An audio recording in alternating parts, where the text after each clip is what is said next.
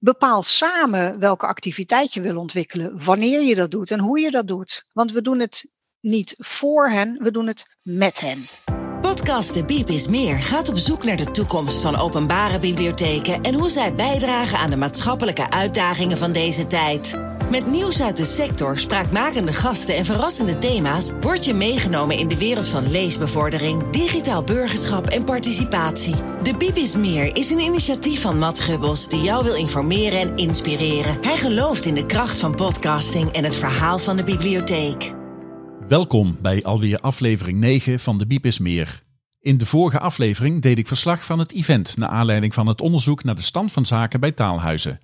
Een van die conclusies was dat taalhuizen moeite hebben om NT-eners te vinden. In deze aflevering ga ik daar dieper op in. Straks hoor je het taalhuis van BibioPlus en hoe zij omgaan met het vinden van NT-eners.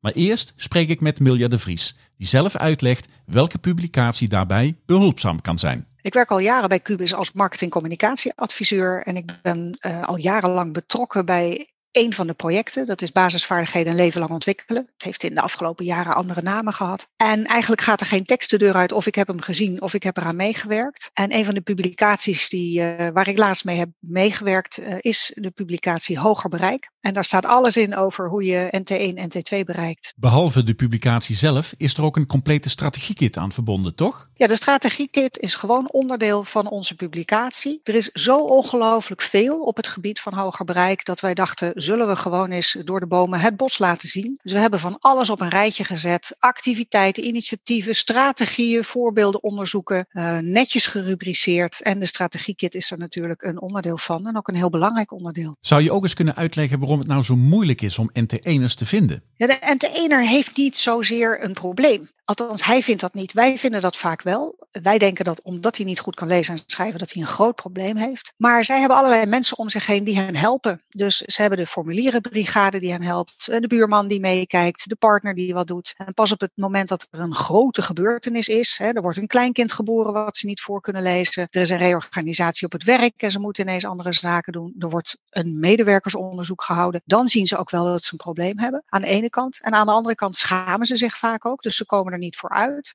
Dus um, ze melden zich ook heel vaak niet. En we merken dat als je ze klein benadert, dat je dan wel effect hebt. Dus Maurice de Greef zegt dat ook, de bekende onderzoeker. Die zegt, doe de salami-techniek, knip het in kleine stukjes, maak het behapbaar. Ik denk dat we straks ook vast terugkomen op de camouflageactiviteiten. Maar als jij een vraag voor die mensen bedenkt die heel dicht bij hen staat, dan bereik je ze wel. En NT2 Vaak hebben die mensen wel een vraag. Als ze moeten inburgeren, dan weten ze wel hoe ze moeten komen. Maar ook daarna is het lastig. Niet iedereen weet de wegen. Niet iedereen durft het toe te geven. Dus dat is, dat is wel lastig, ja. Je noemt het inderdaad zelf al. De camouflageactiviteiten die zo ontzettend belangrijk zijn om NT1'ers te vinden. Ja, ik ben er ook een groot voorstander voor. En we hebben ook een aantal uh, hele mooie voorbeelden van camouflageactiviteiten in die Cubus publicatie Hoger Bereik gezet. Um, je moet natuurlijk een antwoord geven op een vraag die iemand heeft. Als iemand niet goed kan lezen en schrijven, dan kan ik wel zeggen, joh, ik moet je helpen, maar dan is dat veel te groot. Terwijl als ik zeg, wat wil je nou eens leren? Nou, zegt Henk, ik wil een nieuwe hengel kopen, dat wil ik graag op marktplaats doen, maar ik weet niet hoe ik dat moet doen. Dan heb ik een gerichte vraag, kan ik een gericht antwoord op geven. En zo helpen we elkaar. En bij zo'n camouflageactiviteit zorgen we altijd dat er taal betrokken is. Dus op het moment dat je met elkaar gaat koken, dan moet je een recept lezen zit ook een kleine rekenvaardigheid in. Hè? Half ei of uh, 100 gram meel. Dan moet je dat soort zaken ook met elkaar uitzoeken. En je praat met elkaar. En praten en lezen nou, is natuurlijk de beste combinatie. En je doet het op een onderwerp waar mensen interesse in hebben. En dan werkt het. In feite organiseer je dus leuke activiteiten. En tijdens die activiteit probeer je te herkennen of daar NT-eners tussen zitten. Mag ik dat op die manier zo zien? Uh, ja, het hoeft niet altijd ook een leuke activiteit te zijn. Het kan ook een activiteit zijn waar iemand precies wat precies past. Hè? Henk met zijn hengel. Ik weet nog niet of hij het leuk vindt om op marktplaats te gaan, maar het is wel antwoord op zijn actuele vraag. En um, het hangt ook van je activiteit af die je organiseert, in hoeverre daar de NT1er op afkomt. Stel nou dat je zegt uh, bitcoin beleggen, dan denk ik dat er wat minder NT1ers tussen zitten. Dan als je uh, bijvoorbeeld zegt uh, we gaan Syrisch koken, dan zullen daar andere mensen op afkomen. Dus door echt goed na te denken over welke activiteit je organiseert en voor wie je dat doet, vergroot je de kans om NT1ers te vinden. ja, en doe dit ook altijd met een partner. Daar komt Maurice de Greef weer. Die zegt ook, je moet zorgen dat je één enthousiaste partner hebt. Ga er niet honderden partners bij zoeken, maar zoek gewoon één enthousiaste partner. Dan uh, kun je samen kun je op zoek gaan, heel gericht.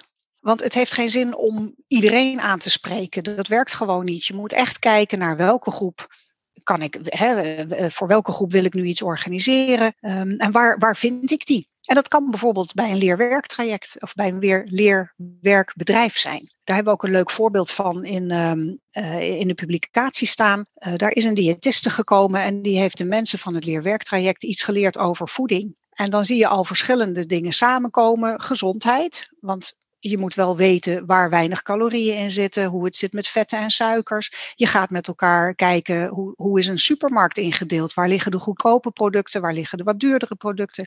En ook weer samen die gerechten met elkaar uh, uitwisselen, zodat je ook weer moet lezen, moet praten. Dus dat was een, een perfecte groep, de mensen bij het leerwerkbedrijf. Je zei het al, houd het klein. Jullie zeggen echter ook, houd het klein wat betreft het segmenteren van NT1'ers. En dan komen jullie met het begrip persona's. Ja, we zijn niet de enige. We hebben het ook niet zelf bedacht.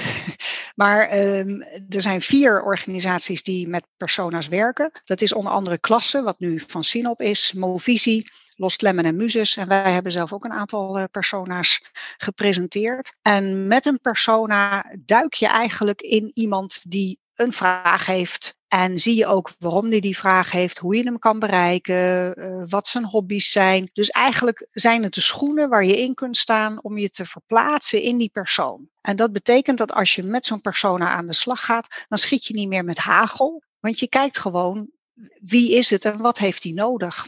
En er zitten dan, het, is, het klinkt natuurlijk altijd heel raar, want die persona bestaat op zichzelf helemaal niet. Maar uh, het zijn wel allemaal karakteristieken van iemand die ja, die, die zorgen dat je wat gerichter aan de slag kan. We noemen ze ook alle vier, we vermelden ze ook in de publicatie. Eh, we geven ook voorbeelden. Dus eh, als je nog niet zo heel veel weet over persona's, lees dan vooral weer de publicatie Hoger Bereik. Um, en, en ook waarom. Kun je een voorbeeld noemen van een persona en dan met name de manier waarop je zo'n persona zou kunnen bereiken? Als ik bijvoorbeeld kijk naar klassen, wat uh, de, de, de persona's zijn van uh, klassen ofwel van Sinop, dan heb je bijvoorbeeld Fatima. En Fatima heeft de vraag: ik wil een receptenboek kunnen maken bij Fatima hoort een bepaalde leeftijd. Ze is ook een vrouw, dus er zijn bepaalde persoonskenmerken. En daar zit een overeenkomst in, in die groep. Uh, maar de dames hebben op zich nog wel, elke, elk individu heeft daarbinnen nog wel een, een, specifieke vraag. En als je kijkt naar de persona's van Fatima, die wil bijvoorbeeld een receptenboek kunnen maken, kinderen voorlezen of een leuke baan.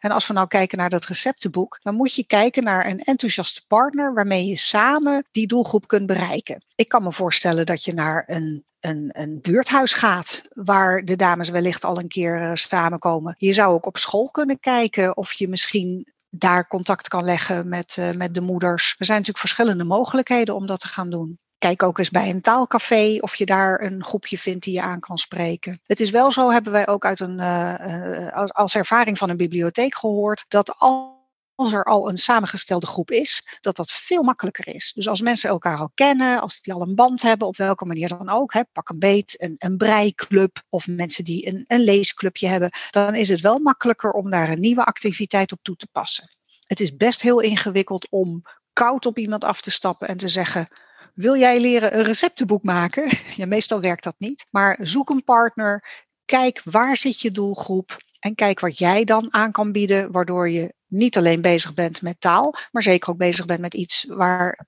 de doelgroep interesse in heeft. Als ik het dus goed begrijp, moet je dus wel steeds per persona kijken hoe je het aanpakt. Het is dus niet zo dat ik jullie publicatie openklap en daar de kant-en-klare recepten vind voor het vinden van NT1'ers. Nee, we geven je wel een goede zet in de richting. We inspireren je, we geven je informatie. We laten ook alle achtergrondinformatie zien. Dus in de, in de Cubus publicatie Hoger Bereik staan ook alle linkjes, onder andere naar de persona's. Maar je moet wel zelf aan de slag. En uh, zoek dus inderdaad die partner en ga aan de slag. Er staan heel veel leuke voorbeelden in van uh, camouflageactiviteiten voor NT1 en voor NT2. Ik heb er net eentje genoemd. Hè. Uh, gezond eten hoeft niet duur te zijn met dat leerwerkbedrijf. Maar we hebben ook wortelschieten. Vond ik zelf een hele leuke. Dat waren Syrische en Eritrese mensen die samen met HAS-studenten van de plantwaardige toekomstopleiding uh, zijn in contact gebracht. Die zijn op bezoek gegaan bij boeren en die hebben ongelooflijk veel van elkaar geleerd. Dus uh, um, de HAS-studenten hebben aan de, de mensen geleerd uh, ja, hoe het zit met, met ons eten. Maar andersom lieten bijvoorbeeld de mensen uit Syrië lieten ook allerlei kruiden zien waar zij een thee van maken, waar wij nog nooit van gehoord hebben. En samen hebben ze ook een aantal nieuwe gerechten gemaakt. Dus een, een aangepast worstenbroodje staat allemaal uitgelegd in de publicatie. Maar dat vind ik ontzettend ontzettend leuk dat het niet eenrichtingsverkeer is, maar dat we van elkaar kunnen leren. Het gaat dus vooral ook om de specifieke behoeften, de vraag, de leervraag, de zorgvraag die je bij mensen probeert op te roepen. Ja, dat klopt. Want als je geen vraag hebt, wil je ook iets niet leren. Of je moet heel erg nieuwsgierig van, uh, van jezelf zijn. Maar als jij mij nu een cursus beleg aanbiedt, dan denk ik nou echt niet. Vind ik gewoon niet interessant. Daar heb ik helemaal geen vraag naar. Maar als jij mij wil leren uh, planten kunnen, hè, kruiden, wat kan je daarmee op geneeskrachtig gebied? Dan denk ik, oh, dat vind ik hartstikke leuk, dat vind ik interessant. En dan sta ik er ook voor open. En als je er voor open staat, dan leer je ook meer. Dus dan, dan laat je ook meer toe dat er bijvoorbeeld taal in zit. Dan, dan ben je niet, hè, dan ben je zo gespitst op dat onderwerp dat er meer omheen kan zitten. En je zit er met een goed gevoel in. Dus dan ben je enthousiast, dan ben je leergieriger dan als je iets op je bord krijgt waar je helemaal geen zin in hebt. Je hebt het steeds over samenwerkingspartners, maar wat ik nou mis in jullie publicatie is het begrip vindplaatsen. Hoe zit dat nou? Ja, ik zie in een vindplaats zie ik echt een locatie waar die mensen, de, de, de, de, de NT1 en NT2, daadwerkelijk rondlopen. Um, bij een leerwerkbedrijf is dat ook inderdaad zo. Dus dan kun je samen met die partner de eigen doelgroep benaderen. Maar dat is niet altijd zo. Um, een partner kan ook uh, de gemeente zijn, waarbij je zegt: we gaan zo'n uh, mobiele ontmoetingsplek we hebben daar een speciale bus van, een mopbus. Gaan we, rijden we de wijken in? Kijken we wie we kunnen bereiken? Kopje koffie erbij? Heb je een vraag? Kan ik je helpen? Wist je dat de bibliotheek dit of dat voor je kan doen? Al met al, Milja, vind ik het nog een behoorlijke klus voor een gemiddelde bibliotheek om dit allemaal um, ja, uit te denken en door te voeren? Nou ja, bibliotheken hebben natuurlijk ook heel veel werk, weinig mensen. Uh, ze moeten zich op allerlei zaken richten. En dit is vaak nieuw en het is ook best een beetje ingewikkeld. Dus we vragen nogal wat van de bibliotheken. En vandaar ook de publicatie om mensen op weg te helpen. Maar je moet inderdaad aan de slag. En hoe fijn is het als je een partner hebt die enthousiast is, want dan trek je je aan elkaar op en dan maak je samen echt wel het verschil. Maar wij zeggen ook vaak, kies nou gewoon focus. Zoek een doelgroep die dicht bij je ligt, waarvan je zegt dat kunnen we aan in de bibliotheek. Maak het niet te groot. Iedereen die je benadert is er weer eentje. ga niet meteen op de hele gemeente uh, richten, want dat werkt niet. Maar hou het beperkt. En uh, ja, elke keer als je een succes boekt, dat is ook weer een, uh, een, een hele mooie opsteker voor de volgende keer. Het hoeft niet altijd heel erg groot. Een klein begin is ook een heel goed begin. Heb je nog laatste tips voor bibliotheken die nog meer werk willen maken van het zoeken en vinden van NTN'ers. Ja, wat we al zeiden, de, de samenwerking, zoekt de samenwerking met die enthousiaste partner. Maar wat heel belangrijk is, is verplaats je in de doelgroep. Vandaar ook die persona's, lees ze door en denk ook eens, hoe zou ik zijn in die situatie? Heb ik een probleem? Heb ik een vraag? Hoe zou ik willen dat mensen mij benaderen? Wat zou ik tegen, hè, wat, wat zal ik zelf willen dat ze tegen me zeggen? En ga in gesprek. Bepaal samen welke activiteit je wil ontwikkelen, wanneer je dat doet en hoe je dat doet. Want we doen het niet voor hen, we doen het met hen. Dat is eigenlijk de tip. En ga gewoon aan de slag. Uh, als je er heel erg over na gaat denken, dan zie je allemaal beren op de weg. Begin gewoon. Kijk hoe je uitkomt. Lees van tevoren uh, en bepaal wat je gaat doen. Breng die focus en nogmaals, ga aan de slag. Van de theorie over het vinden van NT1'ers gaan we over naar de praktijk. Want ik spreek met Kiara Venner en Karen Hoppenbrouwers van BiblioPlus. Karen, om even met jou te beginnen. Wat is jouw bemoeienis en betrokkenheid bij NT1'ers? Um, ik ben regisseur Leven Lang Leren bij uh, BiblioPlus. En uh, daarbij uh, proberen we de basisvaardigheden van de inwoners van het werkgebied te vergroten. Dus dat is eigenlijk mijn betrokkenheid daarbij, ja. Kiara, en jij? Heb jij nog een specifieke rol hierin? Uh, ja, nou eigenlijk heb ik dezelfde functie als Karen. Dus wij zijn een, wij zijn een team. Uh, maar uh, ik focus mij met name op de digitale vaardigheden. En Karen focust zich echt op de taalvaardigheden. Karen, als ik jou eens mag vragen. Hè, hoe is het nu gesteld met jullie taalhuis? Want daarin zijn jullie met name werkzaam, als het goed is. Ja, klopt. Um, ja, het loopt. laat ik het zo zeggen. We, hebben, we zijn nog niet gecertificeerd. Daar hebben we nu uh, een afspraak voor gemaakt. Dat gaat, als het goed is, in oktober uh, gebeuren. Uh, maar het loopt. We hebben taalvrijwilligers. Ehm, we hebben een uitgebreid partnernetwerk, signaleringsnetwerk. we hebben partners die met ons samenwerken. Um, nou ja, eigenlijk loopt het, denk ik, zoals het zou moeten lopen. Ja, het kan altijd beter en we hebben nog heel veel uitdagingen, maar uh, daar werken we aan. Hè. Chiara, waarom is het zo moeilijk om NT1'ers te vinden? Um, ja, volgens mij uh, is dat ook wel een beetje uh, bekend bij mensen. Hè? Er zit toch wel een beetje schaamte nog. mensen die vinden van ik kom uit, ja, kom, ik kom uit Nederland, ben hier opgegroeid. Dan heb je toch Nederlands op school gehad of zo, dan moet je het toch kunnen. Um, dus er zit schaamte. Um, dat maakt het lastig. Mensen verzinnen allerlei smoesjes. Het wordt ook niet herkend. Uh, ja, toevallig vanochtend hadden Karen en ik nog een afspraak met uh, een bedrijf. En uh, ook daar in het begin zeggen ze van... Oh nee, bij ons, uh, bij ons is dat niet. En dan ben je in gesprek en dan noemen ze eigenlijk al de voorbeelden... waarvan je denkt, nou, er zou zomaar best wel eens kunnen... dat daar misschien toch iemand laaggeletterd is. En gedurende het gesprek komen ze daar dan ook achter. Dus het is... ja, je moet er vanaf weten om het ook te kunnen zien. Als ik nu kijk naar jullie aanpak hè, met betrekking tot NT1'ers en het vinden en het bereiken van die doelgroep. Uh, hebben jullie dan een specifieke aanpak als BibioPlus, als taalhuis? Um, nou ja, we zetten op allerlei dingen in. We zijn begonnen met uh, uh, signaleringspartners, zeg maar, zoeken naar organisaties uh, die mensen tegen zouden kunnen komen die laaggeletterd zijn. En hen dan vragen van, goh, uh, hou daar je ogen op open. Probeer met die mensen het gesprek aan te gaan en stuur ze door naar het taalhuis. dat is één spoor. Toen hoorden we eigenlijk van laaggeletterden dat, het, dat de meeste mensen het laatste duwtje krijgen van iemand in de omgeving. De buurvrouw, een, een dochter, een moeder, nou ja, dat soort relaties. Dus toen dachten we eigenlijk moeten we daar ook eens kijken of we mensen kunnen laten weten, van, laaggeletterdheid bestaat er kunt wat aan doen. En praat er eens over, zodat mensen de weg naar taalhuis kunnen vinden. Dus daar hebben wij toen uh, ook een campagne op, uh, op, op opgestart. Durf erover te praten, heet die.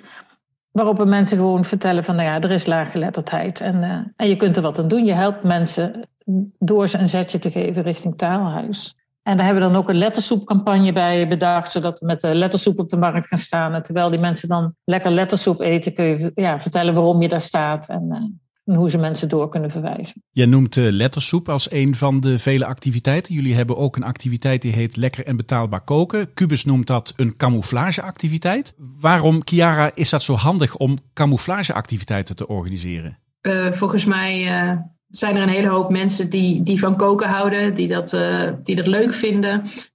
Persoonlijk, als je mij zou vragen hè, om een, een kookworkshop te doen, zou ik dat ook leuker vinden dan een les Nederlands of een les taal.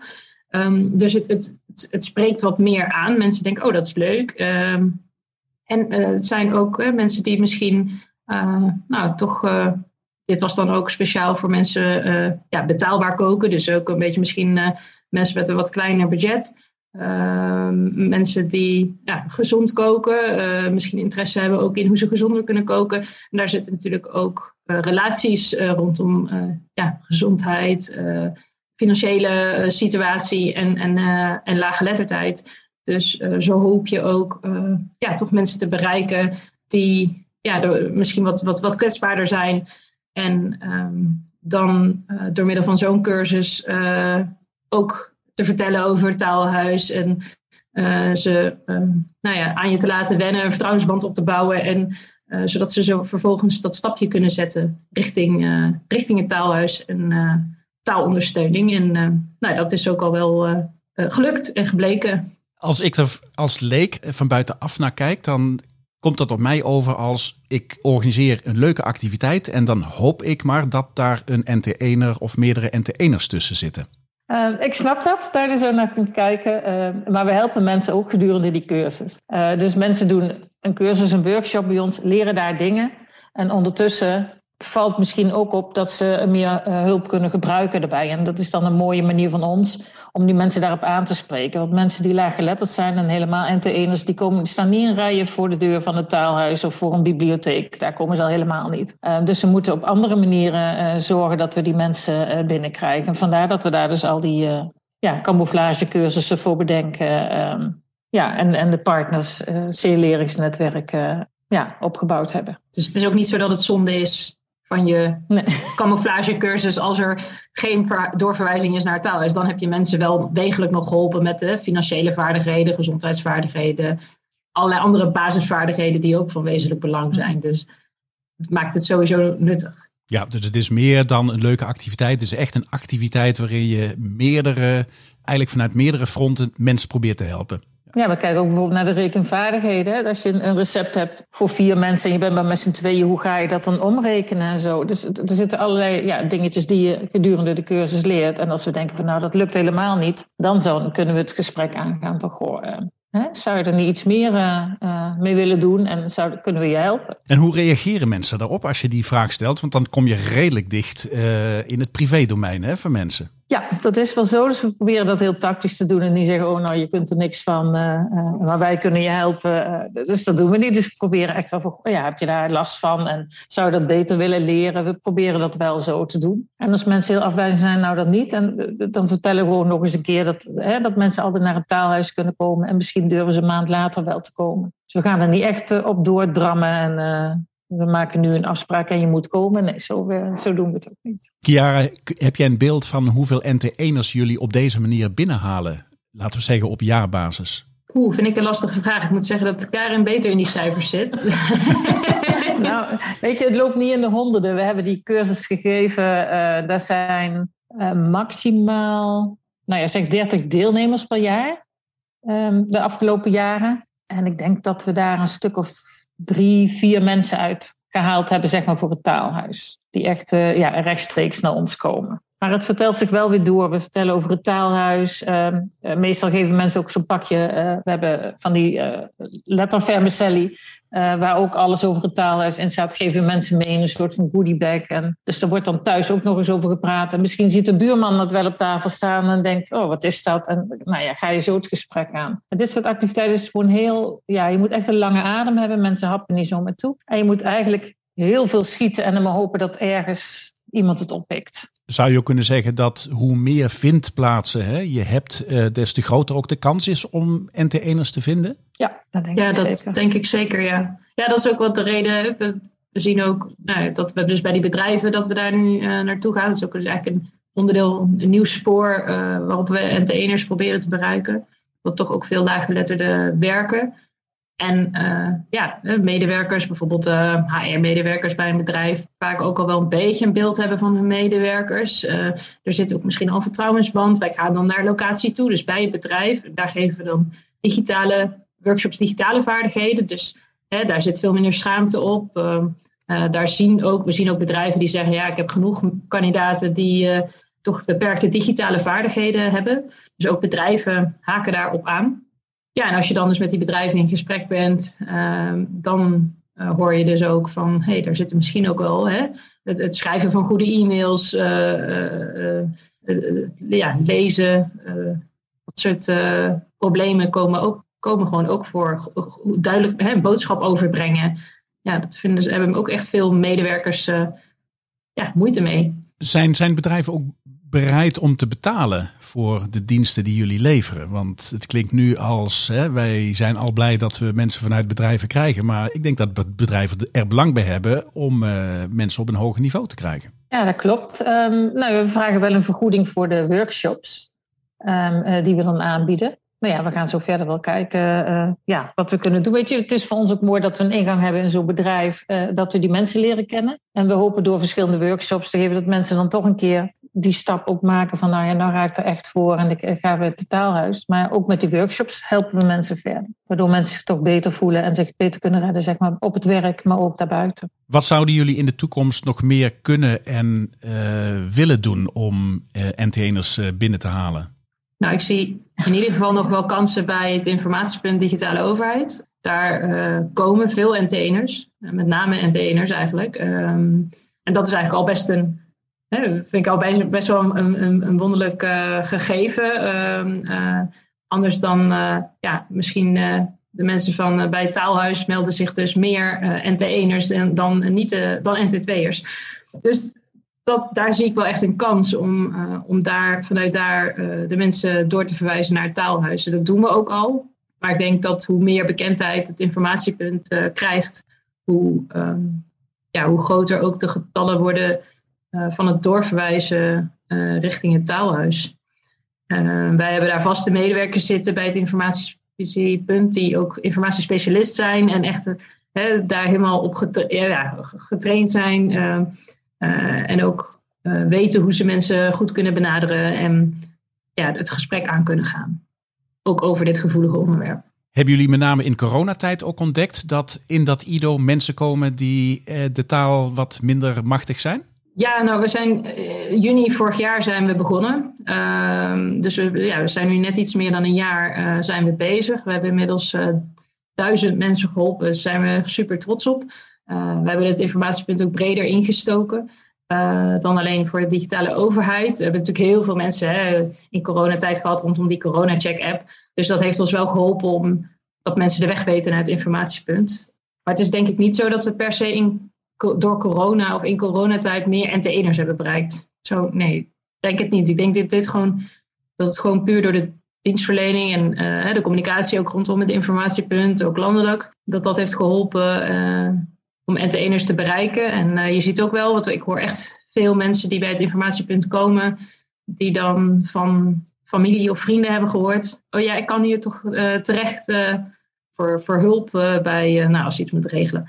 En ja, dat is, dat is mooi als het zich rondpraat. Volgens mij is dat altijd toch het, ja, werkt, werkt, dat, het, werkt, dat, werkt dat goed. In ieder geval ook voor die doelgroep NT1. Heb jij nog tips en trucs voor andere taalhuizen, andere bibliotheken die proberen om NT1'ers, NT2'ers eh, binnen te halen? Um, nou, dat vind ik lastig, want ik heb het idee dat we nog steeds op zoek zijn naar de gouden tips. Maar ik denk alle, alle kleine beetjes helpen. Dus dat is heel mooi. Um, um, wat we bijvoorbeeld wel, we hebben een lesgroep Begrijp je taal, speciaal voor die NT1'ers.